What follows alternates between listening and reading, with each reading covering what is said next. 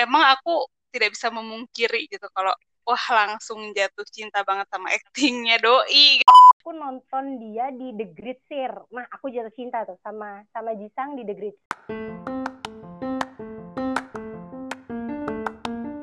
Annyeonghaseyo Cingadel Welcome back to Drakor Class Podcast.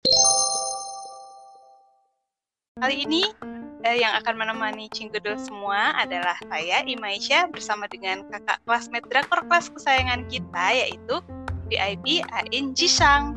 Halo Mbak Lita, nama aslinya Lita ya? halo halo.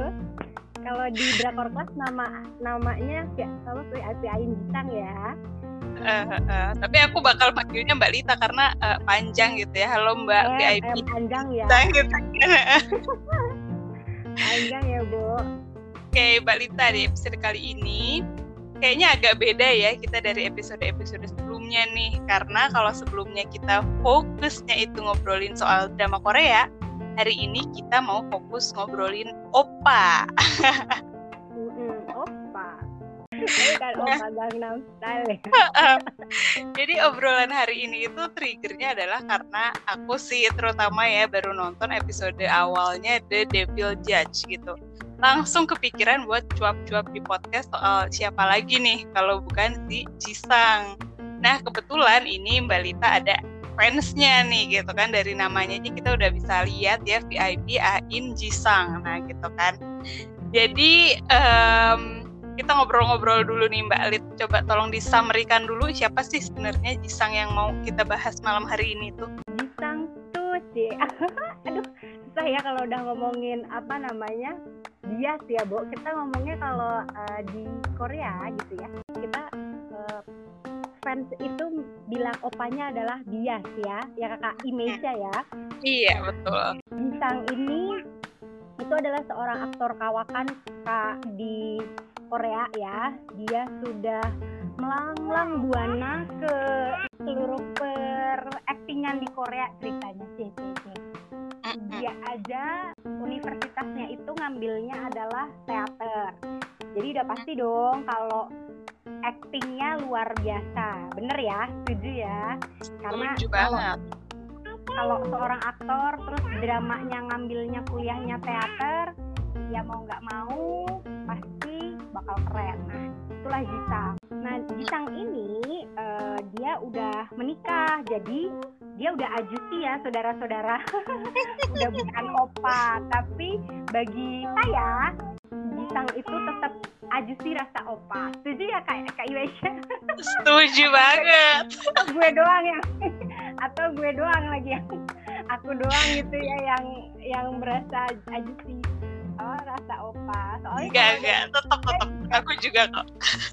Soalnya kalau dari segi usia juga dia uh, kelahiran tahun 1977 jadi sekarang tahun 2021 silakan aja deh tuh yang yang merasa 1977 tuh siapa gitu ya.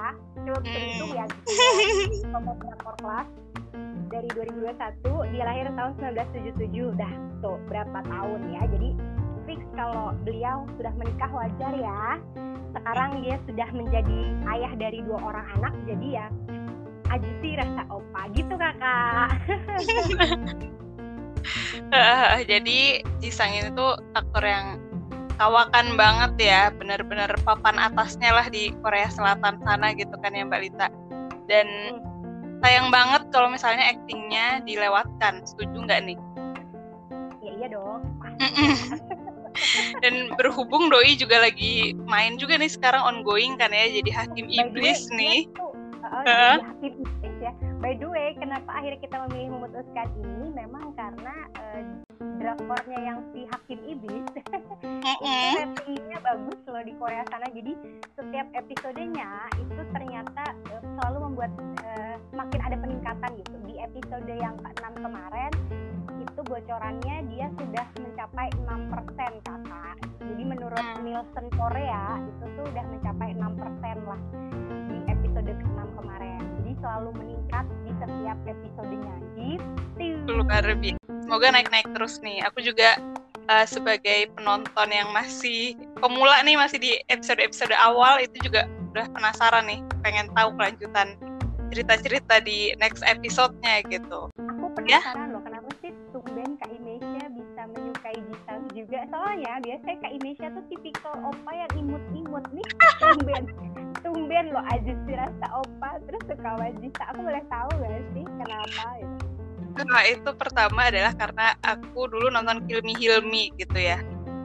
Dan dulu tuh kalau disebut nama Jisang itu aku ingetnya malah pemain bola Piala Dunia tuh ada tuh namanya oh, ya, Park ya. Jisang ya kan ya, itu pemain pemain pemain bolanya Korea Selatan gitu. Nah setelah nonton Kilmi ini Kilmi Hilmi ini emang aku tidak bisa memungkiri gitu kalau wah langsung jatuh cinta banget sama aktingnya doi gitu parah banget mbak itu kan dia meranin langsung jadi tujuh kepribadian gitu kan dari situ langsung wah ini kayaknya drama-drama dia yang lain gak boleh terlewatkan nih gitu awalnya dari film-film itu gitu. Nah kalau Mbak Lita nih dari sekian banyak dramanya Jisang yang udah ditonton apa aja nih yang udah Mbak Mbak Lita ini Mbak Lita tonton? yang udah aku tonton ya uh, dia kan sebenarnya awal acting itu dari 2000 ya tahun 2000 bayangin tuh tahun 2000 guys. Berarti udah 21 tahun tuh ya dia melanglang buana berakting di Korea kak ya kan? Berarti udah lama ya kita udah bisa lihat karya. Jujur aku tahun 2000 belum tahu Jisang aku itu tahu Jisang itu dari uh, karena kan tahun 2000 baru awal-awal Korea masuk ke Indonesia tuh kan 2000 ya aku baru tonton tuh kayak, kayak Full House kayak Jewel in the Palace ya kan Jangon tuh kan kayak gitu-gitu deh. Jadi banyak kan aku belum tahu tuh jadi ah yang aku tahu tuh baru Rain baru Ji Jin Hye ya kan. Jadi yang lebih tua lagi aktornya. Tapi kalau Jisang sama uh, Rain masih mudaan Rain loh ya. Kalau Jisang tujuh tujuh kalau Rain itu 82 jadi uh, lebih muda Rain. Jadi aku baru tahu Jisang itu sekitar tahun di 2012 uh, waktu itu. 2011 sorry. 2000 ya 2011 2012 jadi aku nonton dia di Protect the Boss uh, waktu itu dia jadi uh, eh, CEO gitu. Anak CEO punya perusahaan supermarket gitu kan. Terus yang main itu itu pemeran utamanya yang cewek yang di Hello Me itu main di bareng Jisang di Protect the Boss, Protect the Boss. Uh, uh, nah ceritanya dia jadi sekretarisnya. Cuma yang mena ini memang ceritanya bos dan sekretaris ya. Cuma yang menarik di aku itu adalah dia tuh punya gangguan yang tidak bisa berada di kerumunan gitu loh. Apa istilahnya ya kalau di psikologis jadi dia tuh nggak bisa berada di kerumunan gitu. Nah kayak ansos gitu ya uh, bukan ansos. Jadi dia tuh kalau berada di kerumunan tuh ngerasa malah kayak kayak tertekan. Jadi kalau ah. uh, enggak di bandara gitu dia nggak bisa di taman. Pokoknya yang banyak orang yang memang berlalu lalang gitu dia merasa kayak panik gitu. Apa ya istilahnya kayak gitu. Hmm. Bisa pingsan gitu lah nah uh, jadi si tugasnya si sekretaris ini gimana caranya dia kan namanya pemimpin ya CEO kan dia harus bisa banyak ngomong di depan orang dong ya kan? Dia ketemu banyak kan nggak mungkin rapat terus tiba-tiba gubrak gitu kan nggak mungkin. Jadi, gimana cara dia menrep, me, menterapi bosnya tuh lucu gitu. Maksudnya uh, aku suka lah. Nah, dan mukanya eye catching lah untuk pasti ya. Namanya hmm. opa harus eye catching lah. Terus setelah itu aku nonton dia di The Great Tear. Nah aku jatuh cinta tuh sama sama Jisang di The Great Tear. Di Great Tear ini tuh Taegyeok jadi aku kan memang suka kategori yang kerajaan ya. Jadi aku sayang hadut hmm. gitu. Jadi aku sayang kerajaan tema sejarah gitu kan. Nah di sinilah Jisang yang menurutku membuatku jatuh cinta. Bukan di Protect the Boss tapi ke yang di ini. Gitu. kenapa? Karena dia di sini tuh jadi kayak uh, ahli feng shui gitu loh saya jadi ahli feng shui terus nah uh, ceritanya awal mulanya pindah dari zaman Silla ke Joseon. Jadi pertama Raja Joseon dia memilih tempat jadi uh, kenapa akhirnya Hanyang. Dulu kan kalau Joseon sebutnya Seoul itu Hanyang betul ya kalau nggak salah? Iya betul betul. Apa dipilih Hanyang itu? Nah ini ternyata ceritanya tuh ada orang yang jago feng shui. Nah jago feng shui-nya ini si Jisang inilah ceritanya. Jadi uh, aku suka gitu uh, karena aku suka ya. Jadi terus aku jatuh cinta dan akhirnya mengikuti lah perkembangannya Jisang dan jatuh cinta lagi sama kayak kamu yang di Kill Me tapi sebelumnya di Secret Love itu juga gila actingnya. Secret Love dia bareng sama yang bareng sama Kill Me juga. Hwang Ge apa? Kwang Geum ya itu dua kali. Berarti dia aktingnya di Secret Love sama Hilmi Hilmi jadi di Secret Love itu juga aduh aktingnya TOP BGT abis tuh melodrama. Kalau yang di Hilmi Hilmi kan melodrama tapi itu juga kepribadian cuma iya. cinta laginya itu di Hilmi Hilmi gitu. Uh pokoknya iya iya iya, iya itu kalau kalau acting itu pasti ada sesuatu yang beda ya nggak nggak sama gitu loh karakter yang dia ya, perankan. betul nggak Mbak Lita? betul, betul dan yang paling seru lagi tuh di defendant. Waktu dia jadi uh, jaksa terus akhirnya dia dituduh membunuh satu keluarga eh, satu keluarganya dia sendiri istri dan anaknya itu juga kena banget. Tiap iya episode yes, aku mewek loh Bo. Sumpah udah nonton belum? Kak Imi udah dong pastinya udah. Itu gak? juga itu kacau banget gak? sih. Parah aktingnya itu kacau sih. Eh tiap episode mewek loh aku bener. Aduh. Aduh. padahal niatnya pengennya nggak nangis gitu ya tapi tiba-tiba tiba-tiba ini apa ini? Gitu kan. Ih kena banget. Iya benar-benar ya. apalagi yang dia nyari-nyari anaknya, anaknya. itu kan. Hmm, aduh parah sih itu. Duh, parah. Kacau, kacau. Jadi mau nonton apa aja? Selain di Hilmi-Hilmi aku mau dengerin juga dong. Kak IWC udah nonton apa aja? Itu pastinya Innocent Defendant itu kan ya. Itu uh, apa namanya? Padahal aku tuh nggak suka drama yang kriminalnya tuh banget banget itu kan parah ya penjahatnya juga jahat banget gitu kan terus by the way jadi penjahatnya itu kan di Penthouse juga luar biasa aktingnya kan aku gak nonton penthouse. Ngelihat dia aja tuh masih terngiang-ngiang gitu loh. Tapi benar dia jadi si apa Hondante nah Hondante juga kan dia meraih penghargaan. Emang aktingnya gila itu juga ya. Penjahatnya jahat juga gila. itu ya. Benar benar terus terus. Nah, apa yang diri suka terakhir yang aku tonton sebelum The Devil Judge ini ya of course Dr. John. Itu juga beda kan ya karakternya dari yang lain-lainnya gitu kan. Dia jadi dokter yang jenius dan karismatik banget. Paling suka yang mana? Paling favorit. Susah. Susah aku buat memilih mbak. Soalnya tuh kan itu ya dia tuh karakter yang diperaninnya tadi kan beda-beda ya, ya. tiap drama. Dan iya punya ya. kekuatannya sendiri-sendiri gitu loh. Parah sih. Jadi kalau si Jisang ini drama-drama yang udah aku tonton ya biarpun gak sebanyak Mbak Lita tadi itu kayak dari episode-episode awal perannya tuh nggak langsung ketebak gitu ya nggak sih? Jadi kayak kepribadian si karakternya itu kayak apa nggak bisa eh nggak di nggak langsung dibocorin di awal gitu. Jadi at least kita harus nonton beberapa episode dulu baru bisa nangkep nih oh ini tuh oh, orangnya gini gitu ya kan?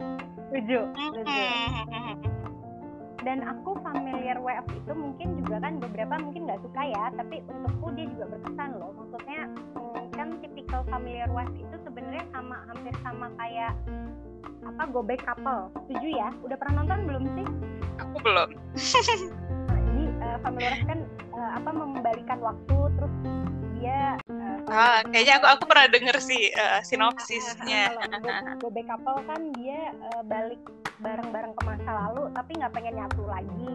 Cuma kalau hmm. familiar ini kan dia uh, memilih balik itu pengen nyobain nama cinta pertamanya dapet tapi ternyata oh tidak sesuai ekspektasi gitu kan. Terus dia balik lagi eh, lah gitu kan.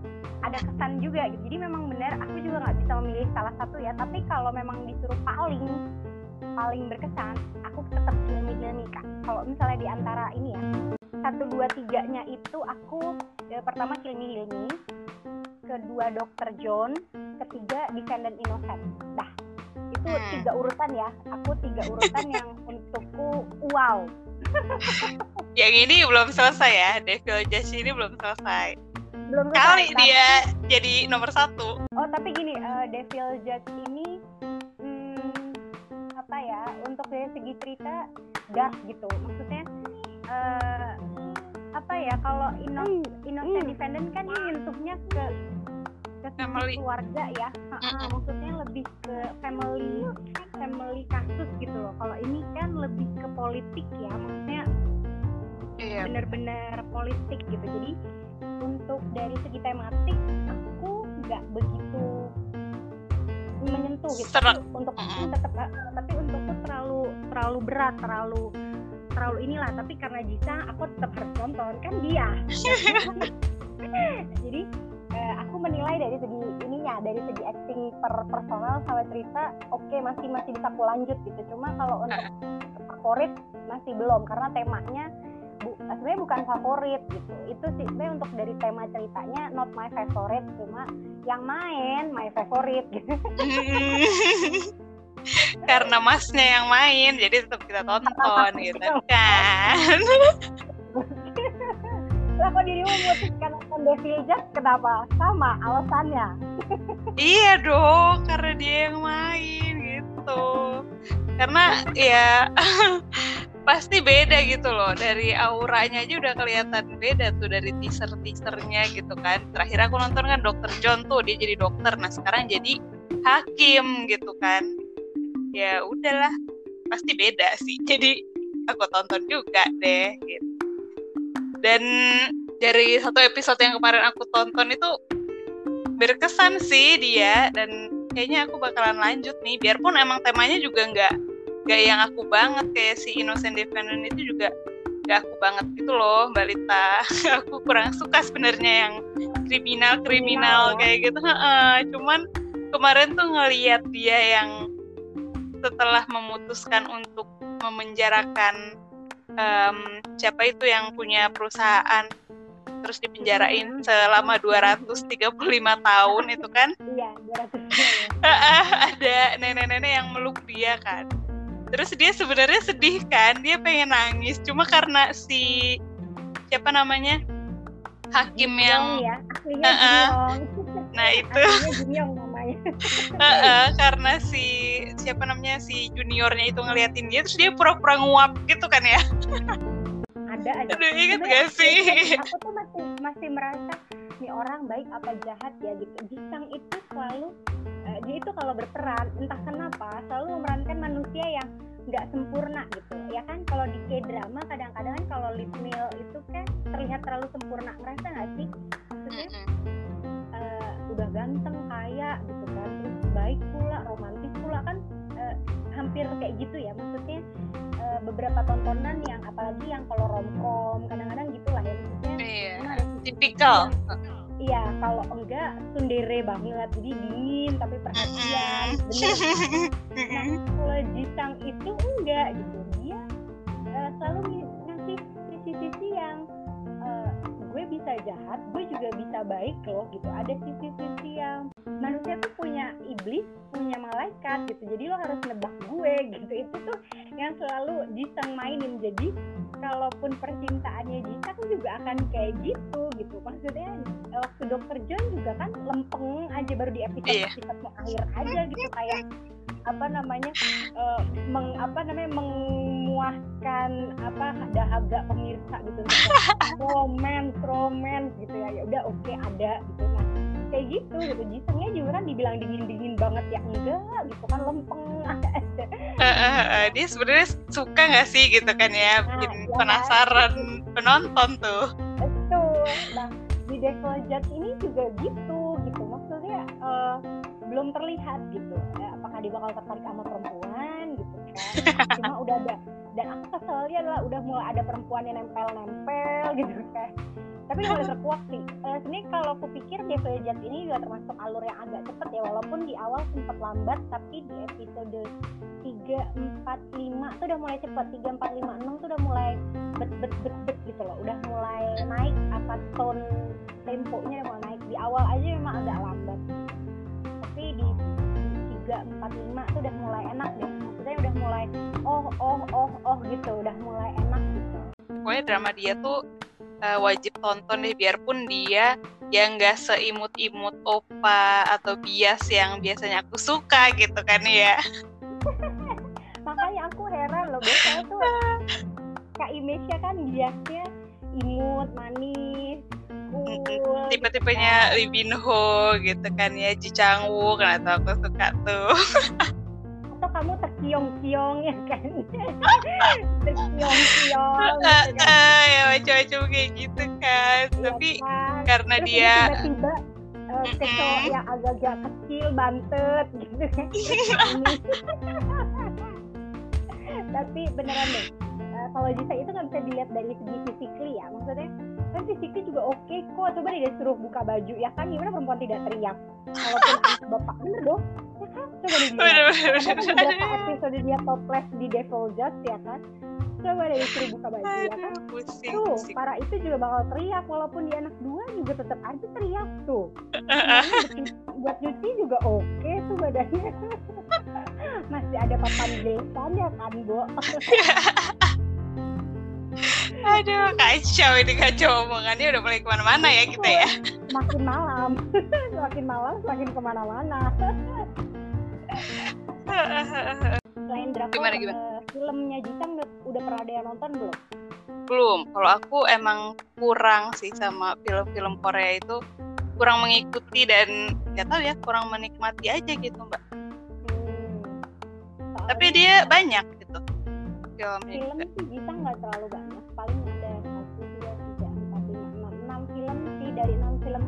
Aku juga paling nonton tuh tiga kayaknya.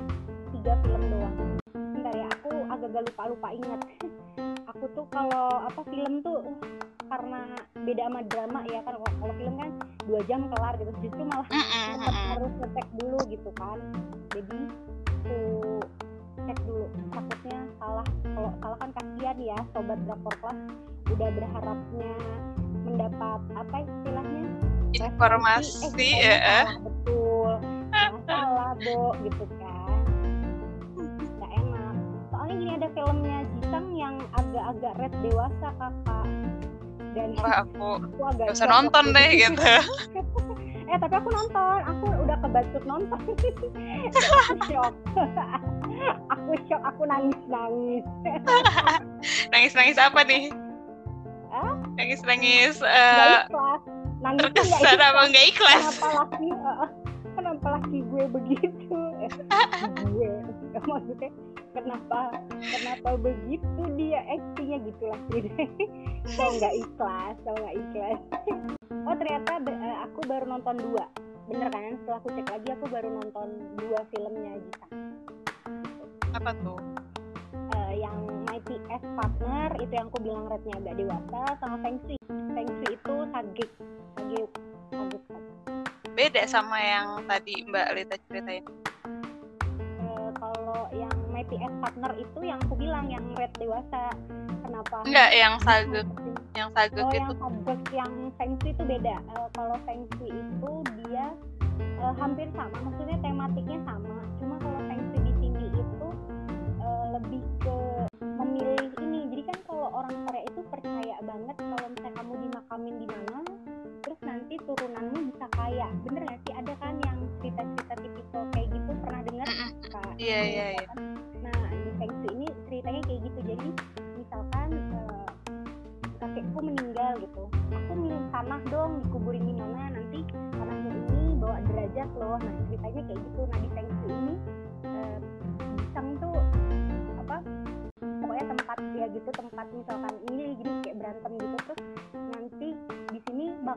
raja berikutnya gitu. Dan rebutan tempat makam gitu. Lah lucu lah. Gitu. ya intrik politik sih lebih tepatnya gitu. Terus tapi kalau kamu misalnya dimakamin di situ jadi raja tapi kamu tidak bahagia. Jadi uh, apa ya ada bener-bener ada, ada uh, filosofis banget gitu ya? Ya betul. Jadi uh-huh. lo mau kan kadang memang iya ya. Maksudnya kalau kita nonton sagu kan kadang-kadang uh, jadi raja itu lo pikir enak gitu. Maksudnya enggak kan? Raja tuh kayak gitulah. Uh, belum tentu lo jadi sama cinta pertama maksudnya bukan cinta pertama belum jadi sama orang yang kamu cintai bisa jadi cuma istri buat karena politik kayak gitu gitulah. Jadi uh, ya benar-benar di Feng ini di, diajarkan untuk istilahnya apa ya kalau kamu mau dapat sesuatu bisa jadi kamu perlu mengorbankan sesuatu kayak gitulah. Jadi uh, ada pengorbanan ada ada ada ada hal yang kamu dapetin juga gitu kayak gitu sih. Lo mau jadi raja ya udah lo berkorbannya harus apa nih? Uh, berani sepi terus kamu kehilangan keluarga kayak gitu jadi beneran inilah uh, ceritanya lebih dalam lagi lebih deep. Gitu. itu tahun 2018 Fengsi jadi diriku cuma nonton dua ternyata. Yang lainnya belum. Soalnya aku juga penggemar yang sebenarnya lebih mengikuti drama Korea dibandingkan film. Tergantung sih kalau misalkan pas pas oh oke okay nih kayaknya gitu nonton. Soalnya kan karena aku juga baru langganan ya maksudnya baru langganan. Kan dulu kita banyak kan jujur gak sih kalau kita kadang dulu sebelum ada yang legal kita nonton banyak kan yang di ilegal kan? Dulu kalau di ilegal di ilegal nggak ada ya udah kan kayak nggak dapet info gitu. Nah kan karena baru langganan yang legal kayak Netflix kayak View gitu kan nah tapi aku nonton yang di situ gitu. Nah ini beberapa filmnya dia juga banyak kan di Netflix kayaknya. Kita juga belum ngecek lagi sih di View ada apa enggak gitu. Jadi memang inilah maksudnya uh, lebih banyak kan drakor ya gitu. Jadi aku juga lebih iya betul dia Oke, okay, mungkin nanti lengkapnya Mbak Lita bakalan nulis di blog ya, di blognya Drakor Class gitu. Aku janji pokoknya. Aku akan menulis apa yang akan aku bicarakan hari ini. Jadi tunggu aja ya. uh, tungguin uh, profil lengkapnya Jisang di blog kita gitu, www.drakorclass.com. Jangan lupa kalau misalkan bahasanya agak bucin, aku mohon maaf ya. Soalnya, Udah biasa dong kita. Uh, uh gue juga VIP-in Jisang boleh lah ya uh, dong nggak apa-apa banget dirimu ini nih nggak yeah. mau nggak mau promo apa gitu kan kali aja uh, guys Jisang itu gitu. Jangan aku mulu ntar aku malu. Ntar kesannya ini orang bucin banget gitu. Nggak enak. Aku kan aku kan tadi Jangan juga udah sama dia bucin. Aku kan dari tadi juga udah memuji-muji dia gitu. Jangan lupa follow instagramnya Jisang di Justin Jisang ya nggak Mbak? Betul nggak tuh namanya? Jangan lupa juga di follow Drakor Kelas juga jangan cuma Jisang dong. iya betul. Itu kan ketahuan bucinnya kan. Kita nggak mau rugi. follow Justin Follow Justin underscore Jisang. Nah, itu Habis dia. Itu lanjut ya, follow Drakor Kelas di Instagram. Di gitu. Instagram. Oke, okay, Cinggedol kayaknya sekian dulu ya Mbak Lita ya serba-serbi tentang malam kisah. Kita makin ngebucin nggak enak ya. Betul ngobrolnya makin ke mana-mana nanti gak fokus lagi nih ke aktornya. Dan dicukupkan dulu untuk episode kali ini. Jangan lupa nanti uh, ikutin terus episode-episode uh, podcast Drakor Class yang akan datang. Kalau belum dengerin yang sebelumnya, boleh dengerin dulu dan jangan lupa juga follow semua sosial media kita kayak tadi ya ada Instagram Drakor Class, ada Twitter juga, ada TikTok Drakor Class juga dan baca-baca juga artikel seputar drama Korea yang selalu update setiap hari di www.drakorclass.com. Dari sana Cinggodul bisa dapat banyak banget rekomendasi dari blog kita ya Mbak Lita ya. Pastinya, mau drama apa aja ada loh di sana. Profil hmm, drama, film, Profil Opa sudah ada beberapa. Yang pastinya uh, Opa yang versi drakor kelas ya maksudnya uh, yang dicintai yang dicintai para sobat drakor classmate classmate drakor Tapi nanti boleh loh kalau misalnya mau request siapa Opa yang kita bahas dan kita tulis boleh ya. Boleh iya ya, boleh ya. banget. Iya di sosmed kita silahkan. Instagram ataupun komen di blog sosial media kita. kita baca nanti kita kita ini deh kita langsung klik-klik dan kita bahas bisa di podcast bisa di iklan mungkin ya ataupun mm -hmm. di blog mm -hmm. satu lagi nih informasi yang gak kalah penting buat kalian yang hobi ngedrakor dan suka nulis boleh banget nih kirim tulisan ke drakorclass@gmail.com karena siapa tahu tulisan teman-teman bakalan kita publish di blog dan pastinya bakal dapetin merchandise yang menarik dari kami ya Mbak Lita ya loh keren loh beneran aku aja pengen pesen lagi seru ya kita ya pokoknya Oke, okay, kalau kayak gitu makasih banyak Mbak Lita. Makasih juga makasih buat semua yang udah dengerin. Iya, sampai jumpa lagi. Annyeong.